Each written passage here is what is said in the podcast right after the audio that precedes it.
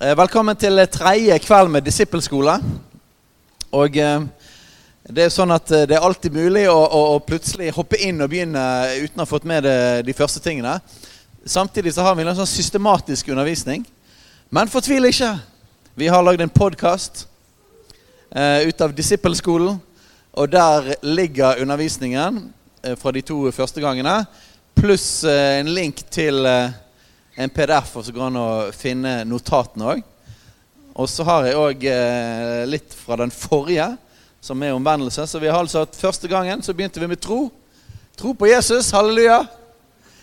Vi snakker om fundamentet for vår tro. Og nå snakker vi Vi har vært inne i tro. Sist gang var det omvendelse. Og i dag så er det dåp. Dåp i vann. Og faktisk er dette en av mine favorittemaer å snakke om. Jeg syns det blir forsynt altfor lite om dåp. Jeg, eh, jeg har tro på en dåpsrevolusjon. Eh, fordi at eh, dåpen er mye mer sentral vet du, i Det nye testamentet enn det det er eh, i, i litt sånn Kristen-Norge nå. Og, eh, og dåpen har jo blitt en litt sånn ekstragreie, sånn som en eller annen av tusen aktiviteter vi holder på med i menighet. Men i Det nye testamentet nå skal vi se på, så så er det med dåpen det er en ekstremt sentral ting. Og det er koblet på forkynnelse, evangeliet og vekkelse og helbredelse og tegn og under mennesker frelst og dåp. Det er midt inni den settingen. Eh, så det er, dette er mer en misjonsting enn en sånn menighetsaktivitet. Men det er en viktig del av fundamentet. Så grunnvollen, del tre, dåp i vann. Og ta utgangspunkt i dette verset, Hebreerne 6, 1-2. La oss derfor gå forbi barnelærdom, barnelærdommen om Kristus og gå videre mot det fullkomne, så vi ikke igjen legger grunnvoll med omvendelse fra døde gjerninger, tro på Gud med lære om dåp og håndspåleggelse, oppstandelse fra de døde og evig dom. Og eh, ironisk nok, hver gang jeg leser det verset, så må vi jo si det at vi skal gjøre det motsatte av det verset sier. Nemlig at vi skal eh, ikke gå videre, vi skal rett og slett legge den grunnvollen. For det, det er jo viktig at vi kommer videre forbi barnelærdommen. Det er viktig at vi kommer forbi grunnvollen, sånn at vi kan bygge. Men man kan jo ikke komme forbi hvis man ikke først har lagt det ordentlig. Og eh, jeg opplever det at eh, vi har forkynt for lite om, om, de grunnleggende tingene i Guds menighet i Norge. Og eh, vi trenger å ha et kraftig og godt fundament. Og ikke minst så handler det ikke bare om oss, men det handler om vår åpenbaring og bevissthet på disse tingene, sånn at vi er disipler som kan trene nye disipler. For det at hvis du lurer på hvordan du skal trene disipler, så er rett og slett eh, etter de har fått et møte med Jesus, og de vil begynne å følge Jesus, så må du være med og legge grunnvollen inn i dem. Det er sånn du gjør disipler. Så hvis vi skal være mennesker som trener nye disipler, så trenger vi å vite hvordan vi gjør det. Og da er grunnvollen ekstremt viktig. Og, eh, og dåp er en av disse store, viktige tingene. Så mye av prinsippet i disippelskolen er at vi kommer til å trene Dere kommer først til å undervise dere om disse tingene. Men så, mot slutten, så kommer vi til å lære dere enda mer spesifikt hvordan dere skal gjøre dette med andre. Ok? Så nå skal vi snakke om dåp, men litt seinere i år så skal vi undervise og vise praktisk hvordan du kan døpe. Ok? For det at eh, Ja, jeg, jeg tror det er veldig få kristne som faktisk vet hvordan man skal virkelig ta folk gjennom til tro. Og til omvendelse. Og til dåp og det å gjøre de til disipler videre. Og det er jo en ganske viktig ting, ikke? Men skal vi kunne gjøre det med andre, så må dette være en del av oss. Sånn at vi kan gi det videre og undervise folk og ha åpenbaring på det sjøl. Så vi skal altså legge grunnvoll, og der er lære om dåp en sentral ting. Ok. Den første tingen her Dåp og frelse Vi blir frelst gjennom tro, omvendelse og dåp. Vi pleier å si det at man blir frelst av tro, og det er helt sant. Men som vi så på sist gang, så fins det masse bibelvers som sier det at vi blir frelst gjennom omvendelse. Så hva er det da? Er det tro, eller er det omvendelse? Ja, det er begge deler. Halleluja. Men vet du hva? Det fins til og med skriftsteder som vi skal se på senere, så sier at du blir frelst gjennom dåpen. Og utfordringen er det at vi, vi pinsekarismatikere har ofte slitt litt med det der med hva som skjer i dåpen, og dåp og frelse, fordi at katolikkene, og for så vidt Den norske kirke, har gjerne tatt, eh, denne, tatt dåpen og løsrevet det fra to omvendelser. Og så bare sørger man for å bare døpe masse folk. Det var jo sånn Norge ble kristnet. Fikk dere med dere det? I historietimene. Og For 1000 år siden så gikk de rundt og bare sa liksom Nå er det bare å, nå er det å følge Kvitekrist. Og da er det å bare bli døpt, eller så drukner vi dere. Sant? Og Da var ikke det så mye alternativ. Så dette med at de skulle begynne å tro på Jesus og vende om At de skulle tro evangeliet og ta imot det Jesus har gjort på korset, og så vende om og begynne å følge Jesus, det var ikke så nøye. Det var viktig å bare få døpt alle disse folkene, for da var de kristne. Og, eh, og så har man jo i den katolske kirke og den norske kirke fortsatt en praksis av at uh, vi bare døper folk, og så sier vi det er Guds barn. Og derfor har pinsekarismatikere liksom gått i reaksjon mot det. da. Og så sier vi nei, vi blir frelst av tro. Det blir ikke bare Guds barn gjennom dåpen. Og så er det sant, men det er ikke helt sant. For at meningen var at disse tingene skulle henge sammen. Så fordi at noen går i én grøft og sier at du blir bare frelst av dåpen og, legger vekk de andre tingene, så har vi gått i en annen grøft og sagt at dåpen er bare sånne ekstra ting på, på toppen. Men vi skal se her i Det nye testamentet Og jeg, jeg, jeg, liker veldig godt når vi kommer hit her, for det at eh, Jeg er jo en grei kar, for dere som kjenner meg. Jeg er egentlig en koselig fyr. Men jeg må innrømme at jeg jeg, jeg syns det er litt gøy å provosere folk. Jeg syns det er litt gøy å pirke litt borti tankebygninger og sånn som det der. Og det som er så fint med oss karismatikere og pinsevenner og sånne folk, det er det at vi tror liksom at religiøsitet er noe som tilhører liksom andre typer kristne. Og jeg liker å avsløre litt religiøsitet i pinsekarismatiske sammenhenger. Og nå skal vi gå inn på å finne litt av den. Halleluja.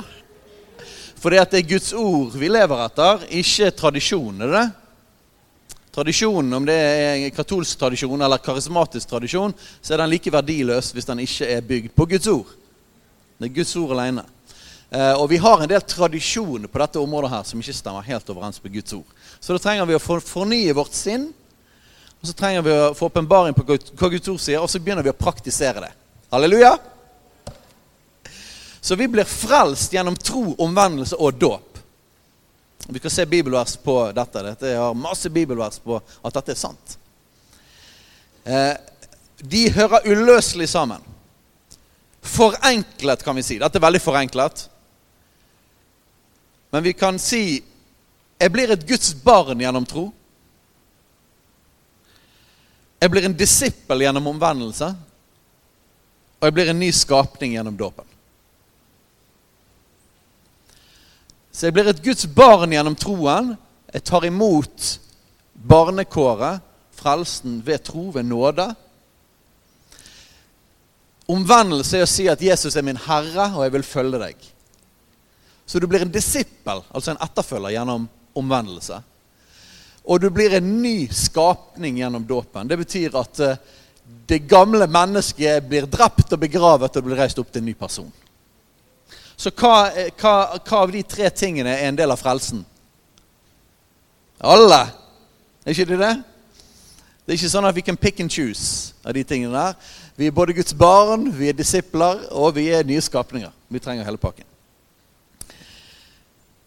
Ok, Nå kommer vi inn i våre tradisjoner. Og Dere som har gått på, på bibelskole hos oss, de vet jo at eh, dere er allerede blitt provosert av dette fra før av. Men det fins altså ingen eksempler på at man ba en frelsesbønn i Det nye testamentet. Ikke én eneste gang i Det nye testamentet. står det om det. Halleluja. Vi vet ikke om noen som bøyde hodet, rakk opp hånden og kom frem til scenen for å be en frelsesbønn.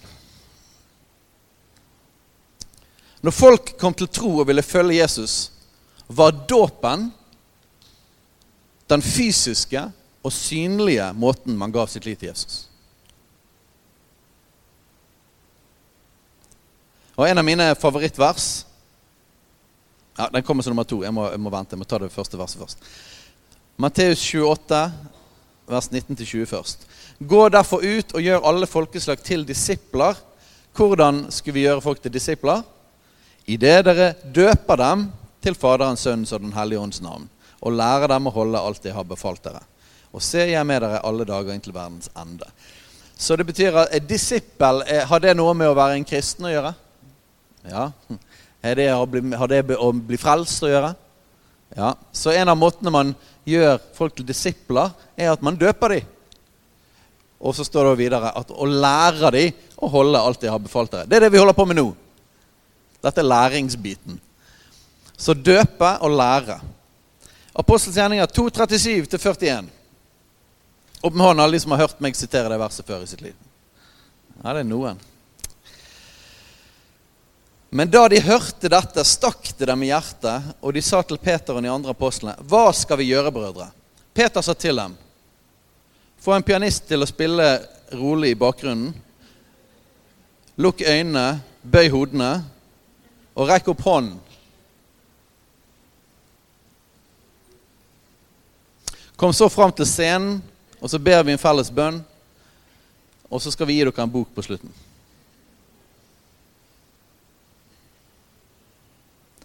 Nei, Det står det ingenting om noen steder. Det går an å bli frelst sånn. altså. Det, det, er mennesker som har møtt Jesus på den måten. Men vit at det er ikke en modell vi finner i Det nye testamentet.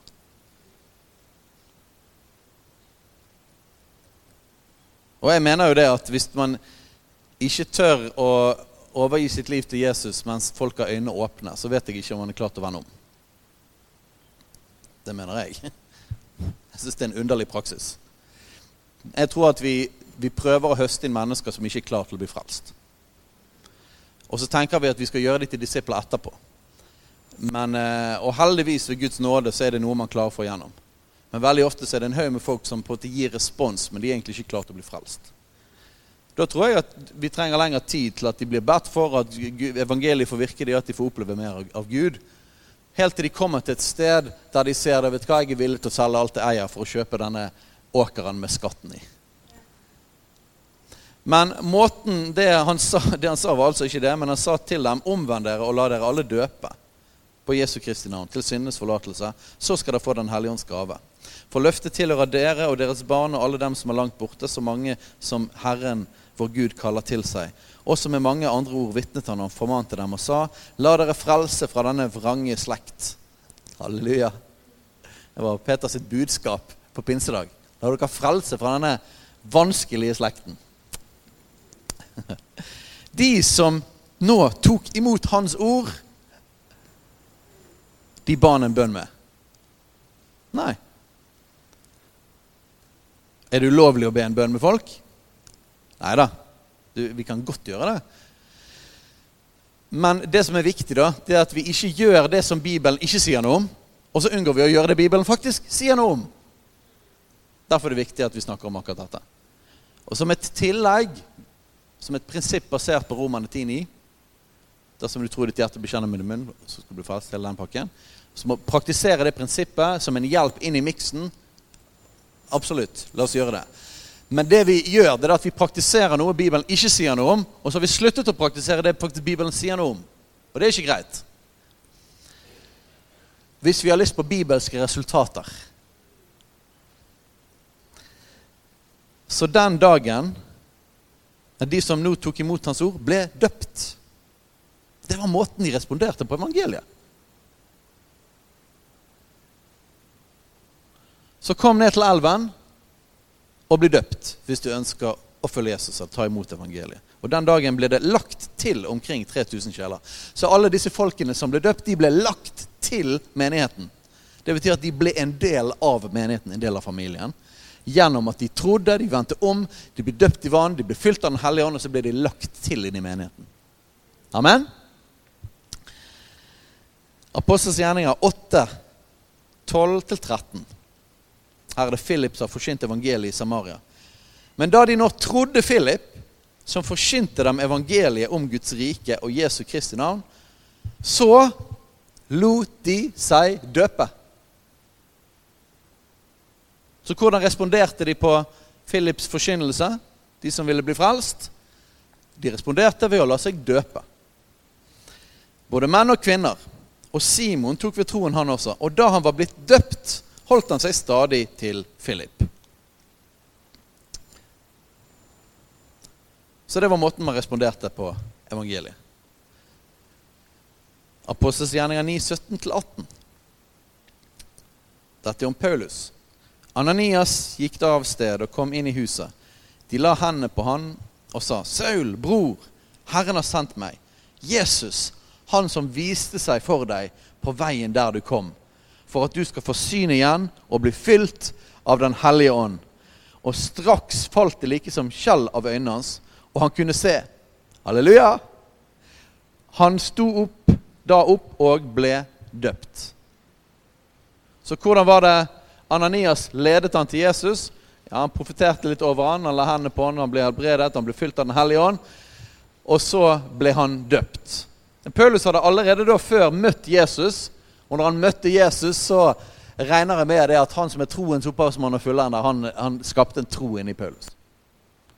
Og på et eller annet punkt inni her så har Jesus utfordret han. 'Paulus, Saul, følg meg.' Og Sannsynligvis satt han og jobbet med akkurat de greiene der mens han satt der og ba og var blind. Og på akkurat rett tidspunkt så kommer Ananias, og så er han klar.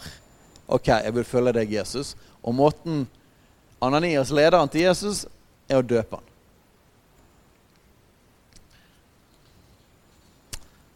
Neste vers. Dette er fra Kornelius' hus. Det er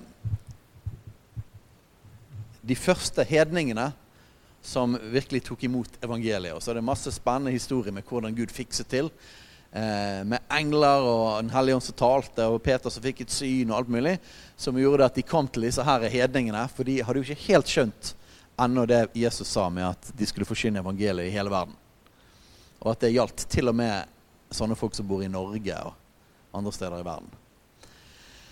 Så Gud måtte liksom fikse det ekstra til. Og så etter hvert så kommer da Peter, og det sitter stuen til Kornelius ute full av mennesker som er bare så klar for å høre det han skal forsyne. Og mens Peter ennå talte disse ordene, så falt Den hellige ånd på alle dem som hørte ordet. Og alle de troende som tilhørte de omskårne som var kommet med Peter, ble forferdet over at Den hellige ånds gave var blitt utgitt også over hedningene. For de hørte dem tale med tunger og lovprise Gud. De var sjokkert. Jeg vet ikke hva de egentlig hadde forventet. Men eh, det var vanskelig for dem å tro at sånne hedninger som oss kunne bli frelst. Men de hadde til og med fått Den hellige ånd. og Nå var det, nå var det liksom ingenting de kunne gjøre for å hindre dem.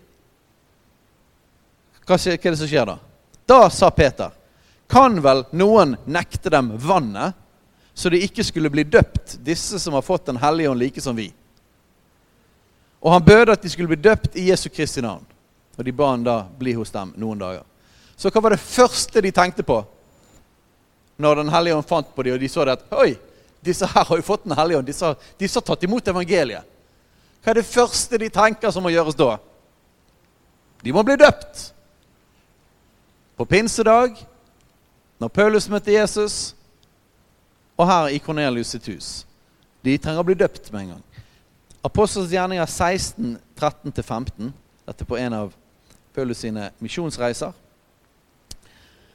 På sabbatsdagen gikk vi utenfor byporten ned til en elv hvor de pleide å holde bønn, og vi satte oss der og talte til kvinnene som var kommet sammen. En av dem var en kvinne ved navn Lydia, en purpurkremmerske fra Tyatira, som dyrket Gud etter jødenes tro.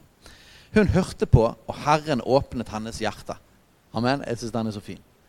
Herren åpnet hennes hjerte. Så de delte evangeliet, og når de delte evangeliet med henne, så åpnet Gud hennes hjerte.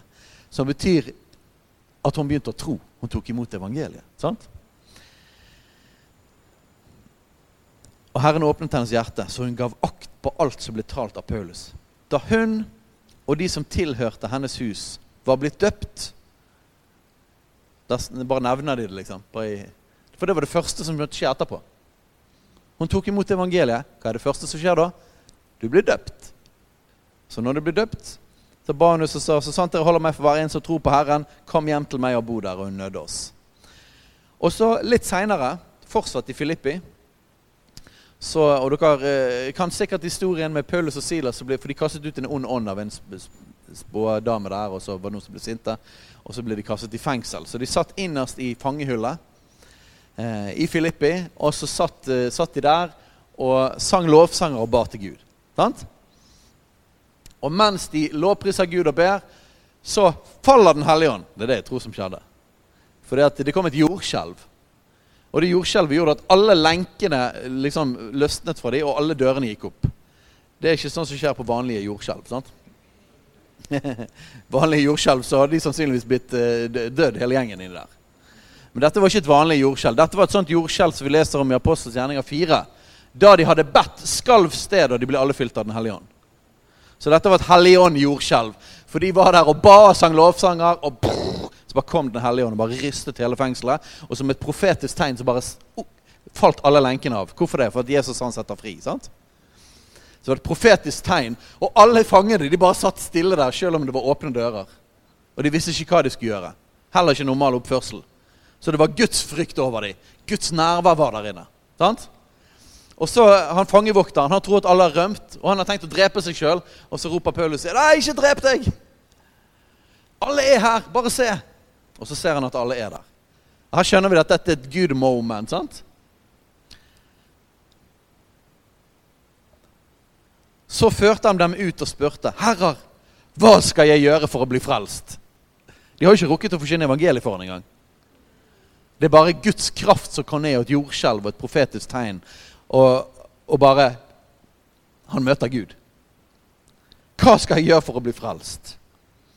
De sa da, 'Tro på Herren Jesus, så skal du bli frelst, du og ditt hus'. Woohoo! Fantastisk. Tro på Jesus. De talte da Herrens ord til han. Nå forkynte de evangeliet etterpå. Og til alle som var i hans hus.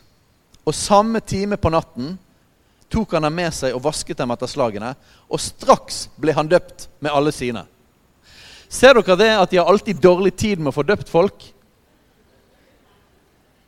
hele tiden her. Det er med en gang, hele tiden. Hvorfor det? Det er fordi at dåpen ikke bare er et symbol. Det er fordi at dåpen ikke bare er en tilleggsgreie. Dåpen er en del av det å ta imot Jesus.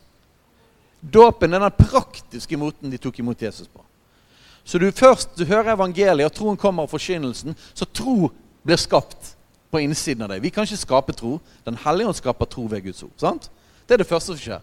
Så enten du hører evangeliet, eller du bare møter Jesus personlig, sånn som Paulus gjorde, så det begynner tro å komme inn. Og på et eller annet tidspunkt inni der så kommer Jesus til å si, 'Følg meg'. Følg meg.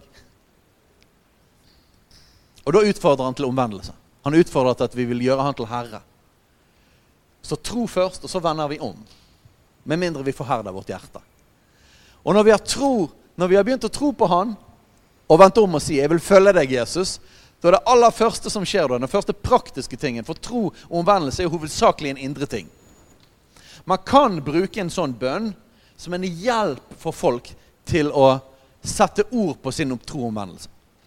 At det blir en måte å hjelpe folk å bekjenne at 'jeg tror på deg, Jesus, og jeg vil følge deg'. Ok?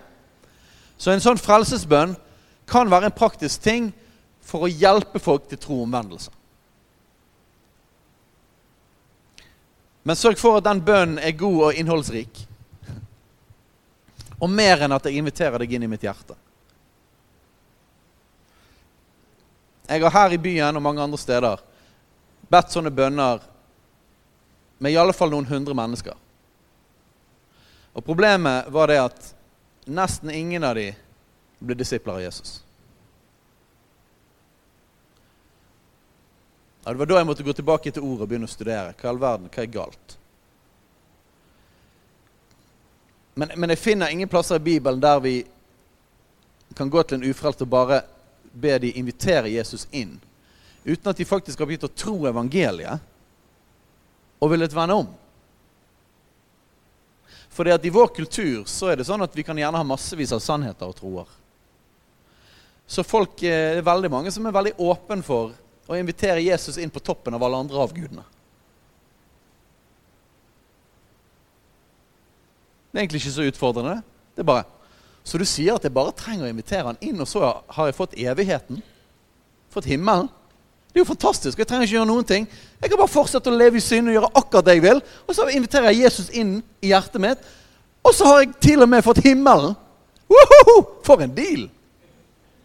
Problemet er at det ikke er evangeliet. Problemet er at det fins ingenting i Bibelen som sier at du faktisk blir frelst gjennom det. Du verken tror evangeliet, for hvis du skal tro evangeliet, må du ha en erkjennelse av synd. For det å tro evangeliet er tror tro Jesus døde på korset for våre synder. Og Du kan ikke ta imot tilgivelse for synd uten at du erkjenner det at du har synd. Så hvis du skal tro, så må du få tilgivelse for synd, og da må du tro at du har synd. Og hvis du skal bli en disippel av Jesus, så må du vende om og si at 'jeg vil følge deg'. Du er nå herre i mitt liv. Det betyr at hvis du ikke virkelig tror evangeliet og vil vende om, så kan, så Du kan faktisk ikke invitere Jesus inn i hjertet ditt.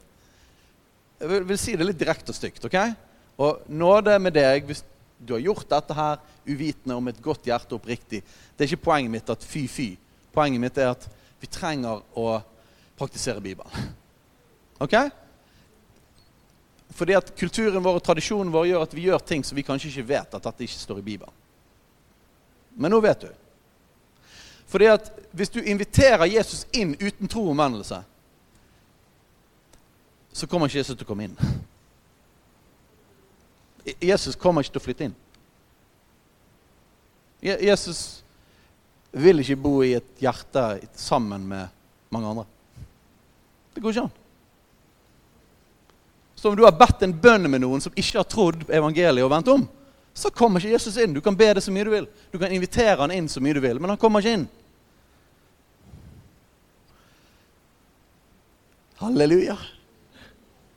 Men det er fullt mulig for han til å flytte inn. Men da må vi gi han hjertet, og så må vi erkjenne det at eh, jeg har syndet. Tilgi all min synd. Jeg tror korset. Du betalte for all synd på korset med ditt blod. Jeg gir deg all min synd. Og Så kommer Jesus og så vasker han oss rein. Han vasker hjertet reint for synd. Og så får han stige opp på tronstolen i hjertet vårt som herre, som konge. Da vil han flytte inn. Men han vil ikke bo i kollektiv med andre guder. Så til og med bare begrepet å invitere Jesus inn i sitt hjerte Det er ikke feil hvis du har med det som jeg sa nå. Men det er direkte ubibelsk hvis du ikke har det med.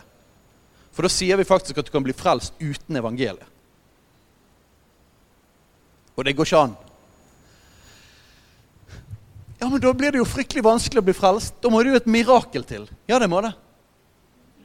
Ingen kan bli frelst uten at det skjer et mirakel på innsiden uten at Den hellige ånd åpenbarer evangeliet for oss. Det er helt umulig å bli frelst uten det. Jeg tror dere har tatt poenget. Halleluja.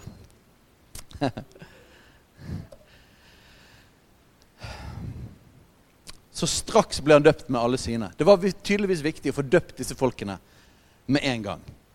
Så 3-2. Hvem kan da bli døpt? Den som tror og bekjenner. Det er den første.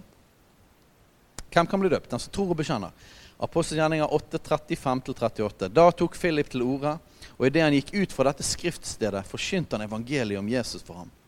Mens de nå kjørte fram langs veien, kom de til et sted hvor det var vann. Og hoffmannen sa, 'Se, her er vann!' Hva er til hinder for at jeg kan bli døpt? Og Philip sa, 'Tro det av hele ditt hjerte, så kan det skje.' Men han svarte og sa, 'Jeg tror at Jesus Kristus er Guds sønn.' Og så bød han å stanse vognen, og de steg begge ned i vannet, både Philip og Hoffmann, og han døpte han. Er det ikke det litt interessant det at hoffmann, han som hørte evangeliet, han sier 'Her er det vann'. Er det noe som er til hinder for at jeg kan bli døpt? Det betyr én av to ting. Enten så hadde Philip, når han forkynte evangeliet, sagt, fortalt han om dåpen. Og sagt at det, hvis du skal ta imot Jesus, så må du bli, bli døpt i vann. Enten så sa han det, eller så har Hoffmann visst om fra før at hvis du skal ta imot Jesus, så er det sånn det skjer. Det må være en av de to. Og uansett så bekrefter det at dette var måten du tok imot Jesus på. Troen skjer jo på innsiden, sant? Og det må jo skje først. Men dåpen er en praktisk handling. Og nok en gang, vi kan godt putte inn en bønn der òg, fordi at det kan ta litt tid, med mindre du akkurat som du kjører forbi, og så er det vann, og så er det jo en fordel at det er i Israel òg, for da er det jo gjerne varmt. og sånne ting som det. Og Da kan det jo være ganske raskt å døpe folk med en gang. Eh, hos oss så kan det være hvis vi, Til og med om vi er raske, så kan det jo være at det går et par timer i alle fall. Sant? Vi må finne klær, og vi må finne et sted. Og, og forhåpentligvis er det ikke altfor kaldt. Og sånn. Sant? Og i den settingen så kan jo det være en hjelp å lede mennesker til Jesus til å bekjenne sin tro og erklære det at jeg vender om og gir mitt liv til deg, Jesus. Gjennom å hjelpe dem i en bønn. Okay? Så i den konteksten så er det veldig bra, og jeg bruker det. Men det jeg ikke vil gjøre, er å bytte det ut med at folk trenger å bli døpt. Og Jeg vil heller ikke be en bønn som ikke inneholder evangeliet. Det må altså være å faktisk bekjenne sin tro på evangeliet, og bekjenne at jeg vender om.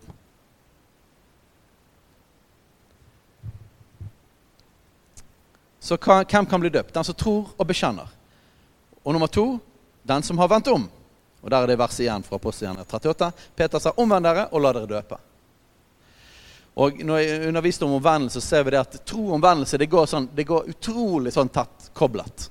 Noen steder så står det, når Bibelen skal beskrive at noen ble kristne, så står det noen ganger de kom til tro. Mens andre ganger så står det de vendte om til Herren. Eh, og, og som jeg nevnte da sist gang, jeg tror ikke det er sånn at jeg fortalte en historie fra Peter som var eh, Hva var det? Lodd og Jeg husker ikke. Jaffa. Ja, jeg husker ikke hvor det var. Og så var det den ene byen så skjedde det først et mirakel. Og så står det at eh, alle omvendte seg til Herren. Og Så dro han til nabobyen og så vekket han opp en fra de døde. Og så står det at eh, alle kom til tro på Herren.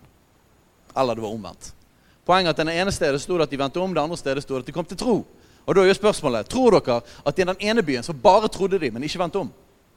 Og i den andre byen så bare vendte de om, men de trodde ikke på Jesus? Nei, selvfølgelig ikke. De ordene blir brukt om hverandre fordi de er så uløselig sammenknyttet. Tro og omvendelse, begge deler. Så hva er det som trengs for å bli døpt? Jo, det er begge de tingene der. Så når Jesus sier 'gå ut og gjør alle folkeslag til disipler' idet dere døper dem', så må vi jo si at summen av Guds ord er sannhet. Så du må se på alle skriftstedene. Hva var det som skjedde? Hva gjorde man når evangeliet ble forkynt og folk ble frelst? Man tok ikke bare og tvangsdøpte folk. Så hvis man kun tar Matteus 28, så kan vi si ja, men hvis vi bare får noen, så bare døper vi dem, så blir de en disippel. Så får vi lære dem etterpå. Men så ser vi at andre steder så står det om at du må tro, og andre steder står det at du må vende om. Så hva er det da? Jo, du gjør folk til disipler gjennom at de kommer til tro vender om, og så blir de døpt. Det er sånn du gjør disipler. Det finnes ingen eksempler i Bibelen på folk som blir døpt før tro eller før omvendelse. Å døpe noen mens de er små, for at de seinere skal komme til tro og omvendelse, er en praksis som er ukjent i Det nye testamentet. Og Derfor kan ikke vi praktisere det. Jeg er vokst opp i Luthers setting og eh, ble døpt som barn. Men det fins altså ingen eksempler på dåp av mennesker som ikke kom til tro og omvendelse. Så det blir jo spørsmålet, vi kommer til det litt senere òg Når kan du komme til tro og vende om? Jeg tror at ganske små barn kan ha tro. Og Det er observert på mine egne, mine egne barn. Men omvendelsen er jo en viljesbeslutning om å følge Jesus og gjøre han til herre. Så jeg personlig tror ikke at et spedbarn kan vende om. Og da kan du heller ikke døpe dem. Så dåp etter tro og omvendelse. Det står ingen plasser i Bibelen hva alder det er. Den pinsekarismatiske tradisjonen er sånn 14 år. Det står ingen plasser i Bibelen om det. Så det får man bare observere og spørre Den hellige ånd om. Men poenget det Bibelen snakker om, er troomvendelse før dåp. Men husk det, at dåpen og konteksten til dåpen er ikke barn som er vokst opp i en kristen familie. For vi har gjort hele dåpsspørsmålet til en sånn inhouse-greie i menigheten. Folk som er vokst opp i en kristen familie. Skal de bli døpt som spedbarn eller som voksne? Og jeg tror at hele den debatten, selv om jeg tydelig på hva, hva Guds ord sier, Tro, troomvendelse før dåp, så tror jeg at hele den debatten er en feilspor. Fordi at vi har tatt debatten fra å være en misjonsting til å bli en sånn her inside kristen-greie. For dåpen kommer ikke egentlig fullt til sin rett egentlig med folk som er vokst opp i troen på Jesus. anyway. De òg selvfølgelig skal måtte følge Jesus. Men der dåpen virkelig kommer til sin rett, der vi ser betydningen veldig tydelig, er jo folk som har levd langt vekke fra Gud, og så møter de Jesus, og så begynner de å tro evangeliet, vender om, og så blir de døpt i vann. Og så blir de, dør de og reiser opp igjen, reist opp igjen til et nytt liv. Så må, og så må vi finne ut av hva vi gjør i menigheten òg. Men la oss ta tilbake dåpen til det som er poenget med dåpen, nemlig å forsyne evangeliet og gjøre disipler. Der er dåpen ekstremt viktig! La oss ikke stjele denne utrolig viktige tingen fra mennesker som kommer til tro og begynner å vil følge Jesus. Dette er en kjempe, kjempeviktig ting. Nummer tre-tre. Må jeg bli døpt? Jesus sier at den som tror og blir døpt, skal bli frelst. Og vi gjør disipler gjennom å døpe dem. Så jeg ser ingen mulighet for å ville følge Jesus uten å ville la seg døpe. For Jesus har sagt vi skal det, og da blir jo det sånn Hvis han er herre, så må jo vi gjøre det han sier. Så det blir jo den første sånn her eh, tingen. da. Vil du følge meg? Ja, jeg vil følge deg. Ok, la deg døpe. Nei, det vil jeg ikke. Det er jo kjipt at det er det første man sier etter man sier 'jeg vil følge deg'. Sant? Så, så for meg så funker ikke det. Dåpen er en essensiell del av å følge Jesus. Og så skriver jeg her og da, Det er et unntak. Et unntak er hvis man med et oppriktig hjerte ønsker å følge Jesus, men man har ikke fått undervisning om dåpen. Sant? Så mangel på åpenbaring eller kunnskap kan jo gjøre at du oppriktig ønsker å følge Jesus, men, men du, du, du, vet rett og slett ikke. Og det er annerledes enn å si nei til Jesus når han kaller deg. sant? Det er en stor forskjell. Så mangel på åpenbaring er veldig annerledes enn et hardt hjerte der vi forherder oss og sier nei. Men problemet er jo det at uh, hvis man først har hørt dette, så er det jo annerledes. Så nå har jo alle dere hørt det, da. Dåpen er en lydighetshandling. Ok, hva om jeg har blitt døpt som baby? Jeg nevnte det allerede. Bibelen viser at dåp skjer etter troomvendelse, men det er en tett sammenheng mellom de. Da blir spørsmålet kan en baby tro og vende om. Hvis man ble døpt før man trodde å vende om, så tenker jeg at da trenger man å bli døpt etter troomvendelse. Og det ble jeg altfor seint oppi der, faktisk. Hvor gammel, Jeg vet ikke hvor gammel jeg var. Jeg tenker alltid på Fredrik når jeg skal spørre om et eller annet. Kanskje Fredrik vet hvor gammel jeg var. Litt over 30 år. Det er jo ganske seint. Jeg har hatt en tro på Jesus eh, gjennom hele min oppvekst. En oppriktig tro på Jesus og det han gjorde på korset for meg. Jeg har aldri stått imot det. Men jeg fikk aldri høre en forkynnelse om å følge Jesus før jeg var 17 år gammel. Og da hørte jeg, var jeg på ungdomskonferanse der noen forkynte kraftig om å bli en Jesus desperado. Å følge Jesus og legge ned mitt liv for han. Det var første gang jeg hadde hørt om det. Men jeg trodde på Jesus. Hadde jeg, hadde jeg blitt eh, slått ned av et lyn og dødd, så hadde jeg nok kommet til himmelen. Men hadde aldri hørt om å følge han. Så når jeg hørte det, så bøyde jeg meg for Jesus og sa jeg vil følge deg, Jesus. Da var jeg 17 år gammel. Så kom jeg inn i et ungdomsarbeid, og der, der eh, praktiserte de ikke dåpen på denne måten. Eh, men de praktiserte det med å bli døpt i Den hellige ånd. Så de underviste om dåpen i Den hellige ånd, og så ble de døpt i Den hellige ånd. Halleluja! Men så gikk det mange mange, mange, mange år før jeg så dette her i Bibelen. Og så da ble jeg døpt når jeg var 30 år. Det er ikke hvordan det, det er ikke standarden. Så jeg kan ikke gjøre min historie til modellen for hvordan de leder mennesker til Jesus. Det betyr ikke at ikke Jesus jobbet i mitt liv, for det gjorde han. Men jeg kan ikke gjøre det til modellen. Modellen i Det nye testamentet er at man kommer til trovenner om å bli døpt så fort som mulig. For dette er en del av pakken. Frelsespakken.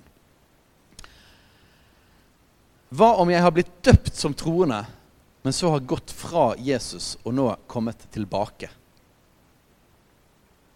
I dåpen blir det gamle livet i synd begravet. Her er min mening.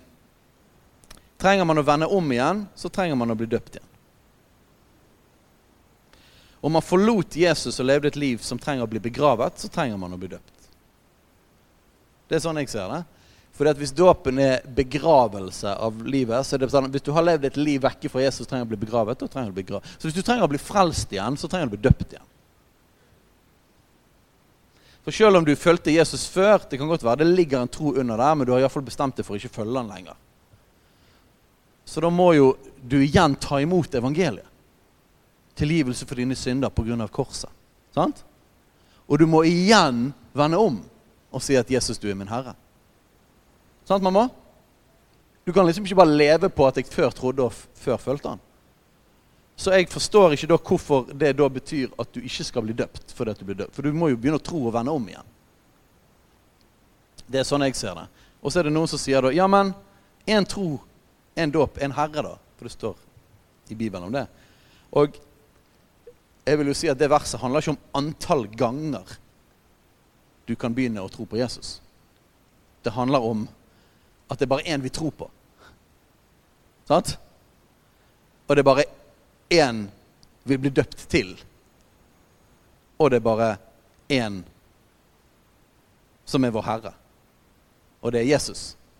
Så vi har ikke mange typer dåper og mange herrer og mange troer. Det er bare én tro. Det er én dåp. Det er en herre. Men det kan godt være det at du tror, og så faller du fra, og så begynner du å tro igjen. Det betyr ikke at du har begynt, at du har trodd at det var to troer. Det bare betyr det at du, du hadde troen, så mistet du den, og så fikk du den igjen. Det er fortsatt én tro. Og jeg, jeg, tenker det er akkurat det samme med omvendelse og dåp. Spørsmål?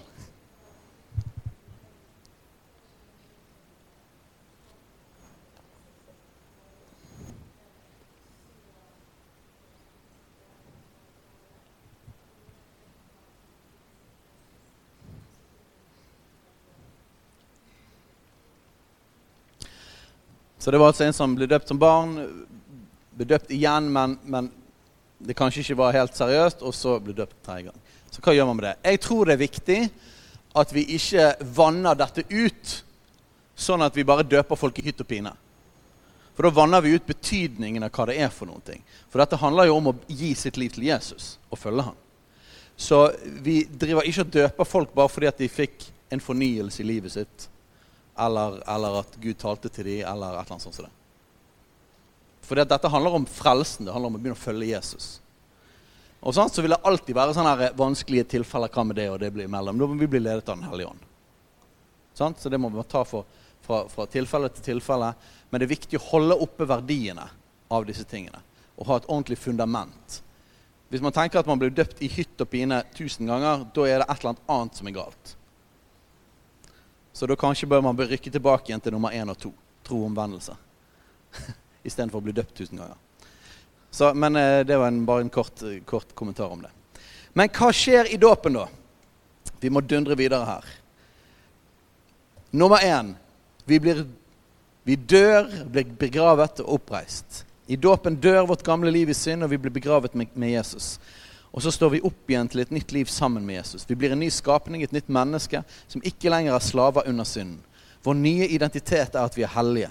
Gud gjør et mirakel inni oss som gjør nå at vi ønsker å gjøre hans vilje. Vi har fortsatt muligheten til å synde, men det er ikke lenger vår natur. Vi kan bli fristet og falle i synd, men vi vil ikke ha glede av det lenger. Ikke så veldig lenge, iallfall. Vi har fått en ny ånd som driver oss til Jesus, og som skaper en lengsel etter hellighet. Så det å bli begravet med Kristus og oppreist med Kristus gjør ikke det at vi plutselig er, kommet, er ferdig med helliggjørelsen. Nei, det er starten på helliggjørelsen. Sant?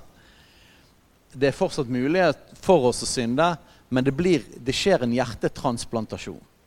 Han tar ut steinhjertet og bytter det med et kjøtthjerte. Han skriver loven i våre hjerter. Plutselig er vår drivkraft annerledes. Og en test på dette, dette er min test på om folk er født på ny. Og det er ikke om du har gjort alt perfekt i dag eller forrige uke, eller du ikke har falt. Men testen er dette. Hvis du virkelig, virkelig går til dypet av ditt hjerte Ønsker du å følge Jesus? Ønsker du å være til glede for han? Ønsker du at du aldri hadde syndet igjen i hele ditt liv? Hvis det er ditt ønske, så er du født på ny. Fordi at vår gamle natur ville ikke det.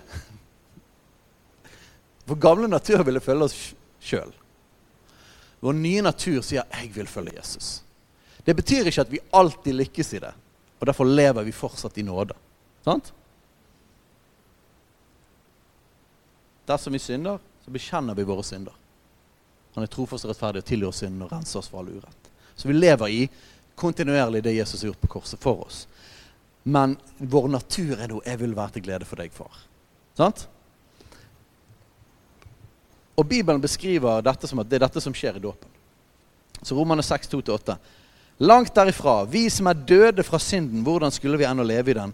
Eller vet dere ikke at alle vi som ble døpt til Kristus, ble døpt til hans død? Så det er nummer én.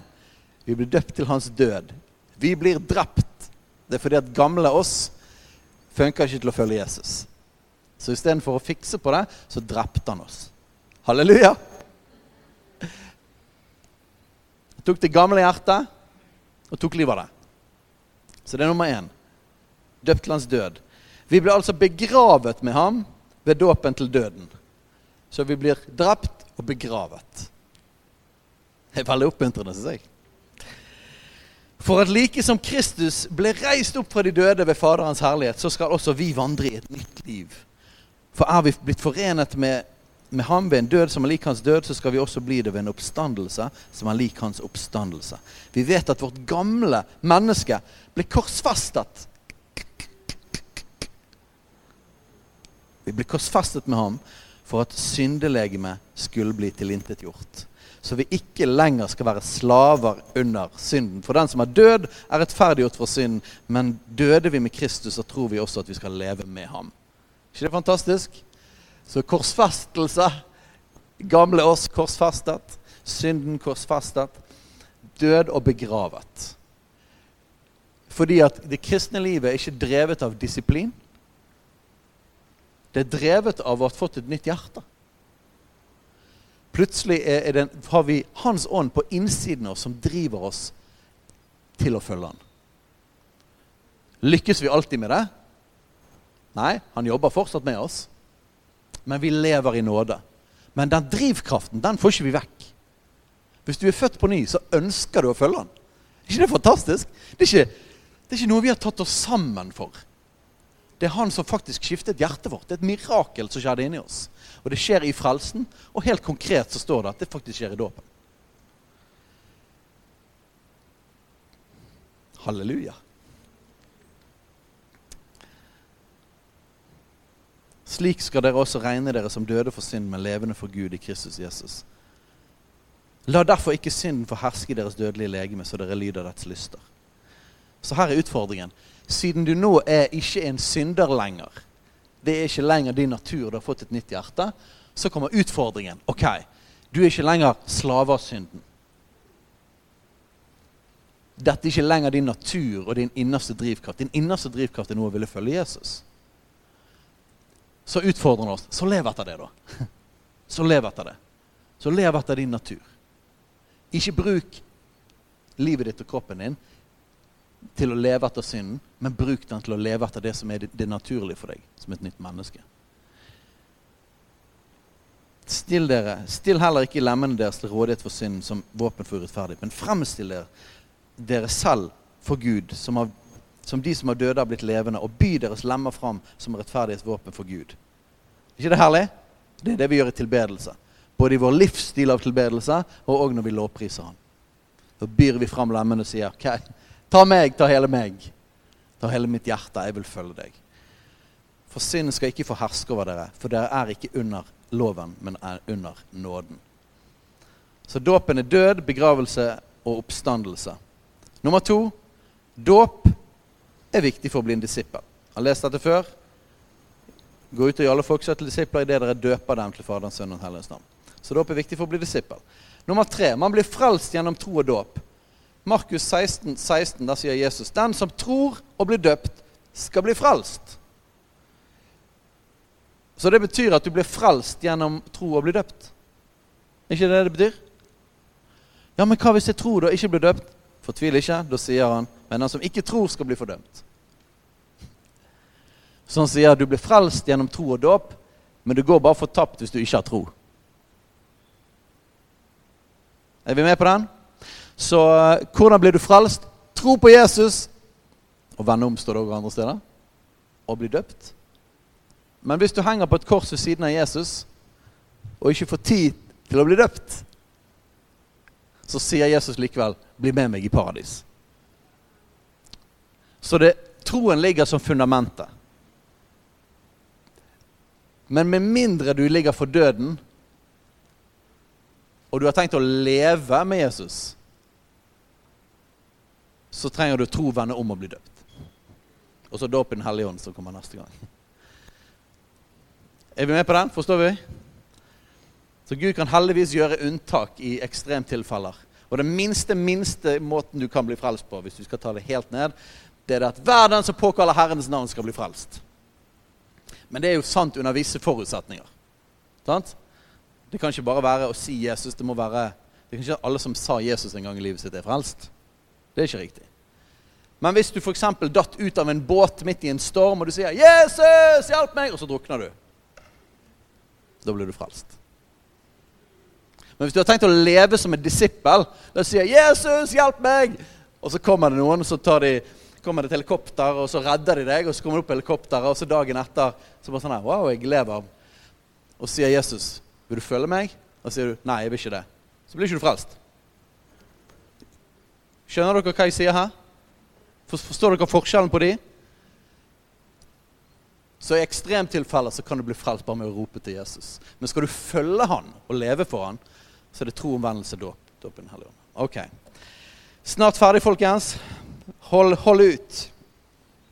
1. Peter 3, 20-21. De som tidligere var ulydige den gang Guds langmodighet ventet i Noas dager mens arken ble bygd, i den ble noen få, det er åtte sjeler, frelst ved vann. Det som også nå frelser oss i sitt motbilde, dåpen. Den er ikke en avleggelse av kjødets urenhet, men en god samvittighetspakt med Gud ved Jesu Kristi oppstandelse. Så dåpen er en god samvittighetspakt med Gud. Halleluja. Og så står det òg at det er frelse. Du blir frelst av dåpen på samme måte som Noah de ble frelst av arken. Du blir frelst gjennom vann. Betyr det at du kan bli frelst uten tro omvendelse, men bare dåp? Nei. Men det betyr at dåpen sammen med tro omvendelse frelser. Klarer vi å holde disse tingene rett i hodet? Det er i så fall imponerende. For store deler av kirkehistorien så har man ikke klart det. Men det er alle, alle tingene. Tro, omvendelse, dåp. To til. I dåpen blir vi ikledd Kristus. Galaterne 3, 26-27. Alle er dere jo Guds barn ved troen på Kristus Jesus. Halleluja. For dere, så mange som er døpt til Kristus, har ikledd dere Kristus. Nok et vers som du ser sammenhengen så tydelig. Så hvordan blir du et Guds barn? Gjennom å tro. Hvordan blir du ikledd Kristus gjennom å bli døpt? Men det er litt vanskelig å bare være Guds barn, men ikke ikledd Kristus. Eller være ikledd Kristus, men ikke være Guds barn. Er ikke det? For de henger så uløselig tett sammen. Så tro og dåp. Og enda en gang apostelgjerninga 238. Men et annet poeng der nå. I dåpen blir vår synd tilgitt. Så hvordan blir vår synd tilgitt? For det står faktisk at vi blir tilgitt gjennom tro. Og så står det òg andre steder at vi blir tilgitt gjennom å vende om. Men så står det jo her da at vi blir tilgitt gjennom å bli døpt. Så hva er det da? Nei, la oss sørge for å få alle disse tingene på plass så fort som mulig. Så blir det hele pakken. Sant? Omvend dere, la dere døpe på Jesu Kristi navn til syndenes forlatelse. Så dåpen kommer òg med tilgivelse av synd. Sånn som alle de andre tingene.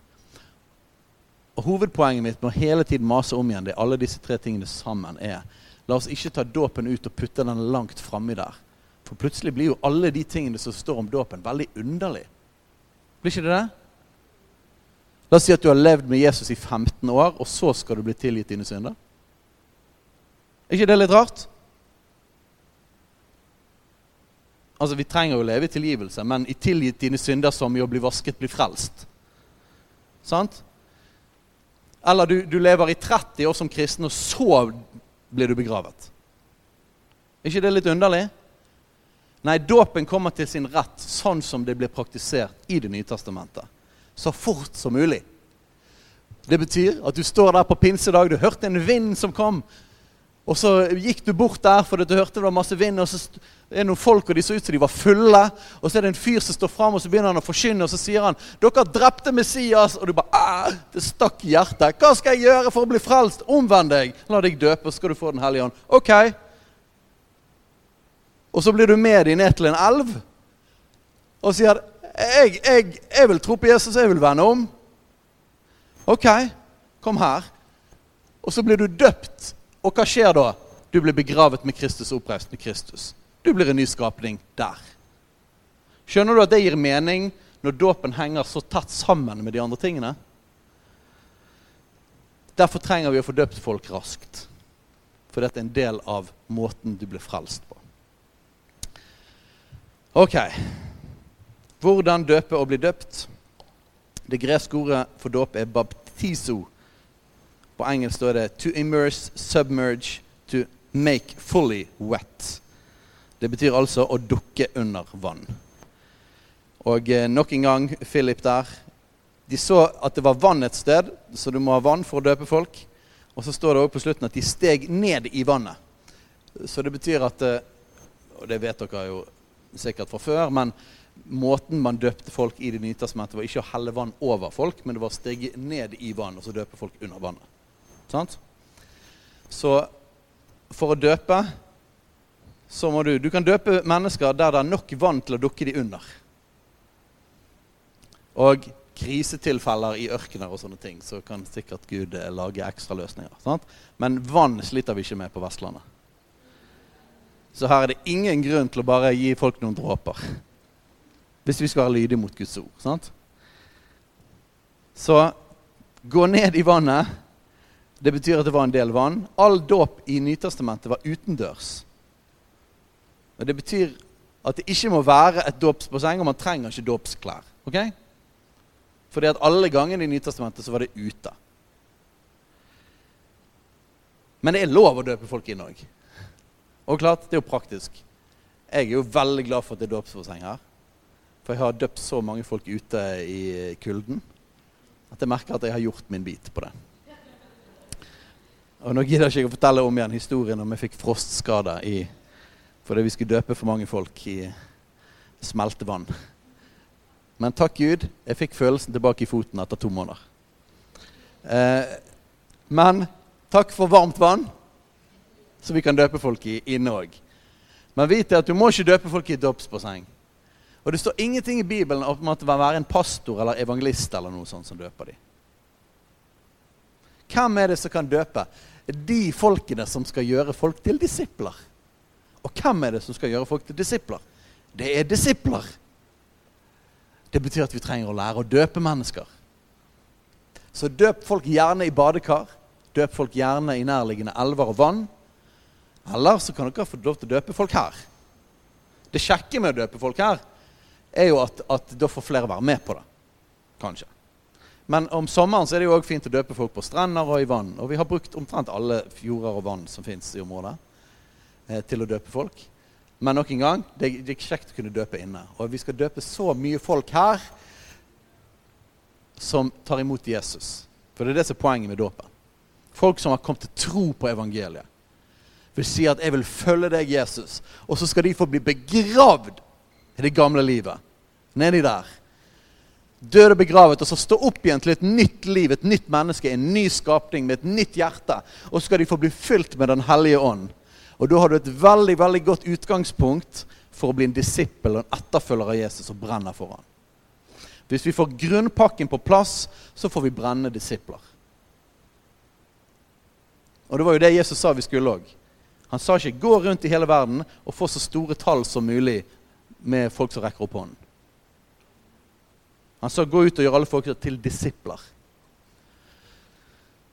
Men vi skal se mange, mange, mange komme til tro, vende om og bli døpt.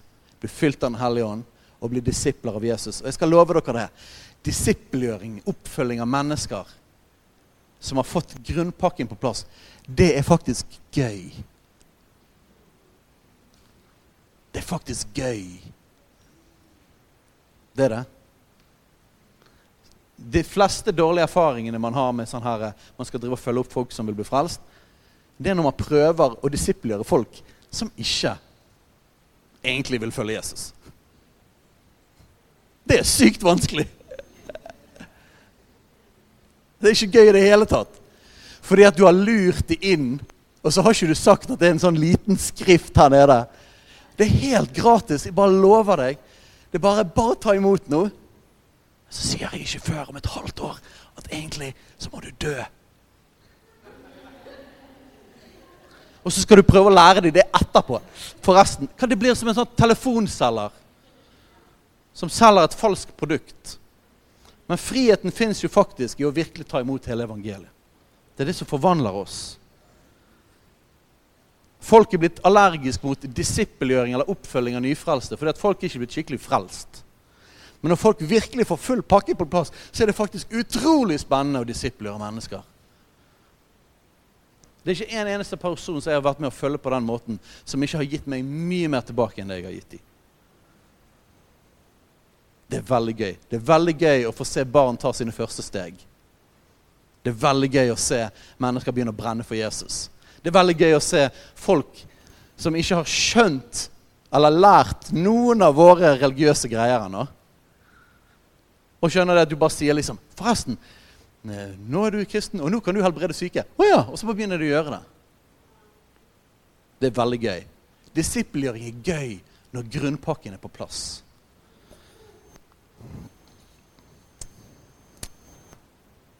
Ok. Det siste punktet. Når du døper folk, så sier vi Jeg døper deg i Faderens, Sønn og Den hellige ånds navn. Det fins noen som går rundt og sier det at får ikke lov til å gjøre det. Vi bør døpe bare i Jesu navn. For det, som oftest i Bibelen så står det at de blir døpt i Jesu navn. Så er det bare det verset der da, i Matteus 28 som sier Faderen, Sønnen og Den hellige ånds navn.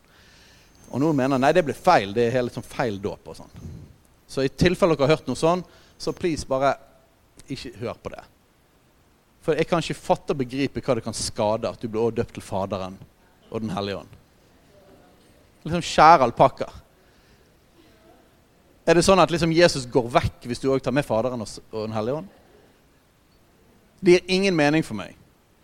Så hvis du har hørt noen sånn type lære, så bare kost det vekk. Jeg tenker, hvorfor ikke døpe folk i hele guddommen? Sant? Selv om det står at de blir døpt i Jesu navn som oftest. La de få hele pakken. Ok? Faderen, Sønnen og Den hellige ånds navn. Så det er ikke så veldig vanskelig. Nok vann du kan døpe. Døp de i Faderens, Sønnen og Den hellige ånds navn. Si, det, si 'Jeg døper deg i Faderens, Sønnen og Den hellige ånds navn'. Og så dukker du de under, helt under vann, og så kommer de opp igjen. Og Så legger du hendene på dem, så skal du bli døpt med Den hellige ånd. Det kan vi ta seinere. Men alle menn, alle disipler kan gjøre det. Og seinere skal vi trene veldig praktisk på det. Vi skal ta tørrtrening på dåp. ok? Men sørg for at folk har fått evangeliet, har begynner å tro evangeliet og har vendt om og vil følge Jesus først. Og så kan du døpe dem. Amen.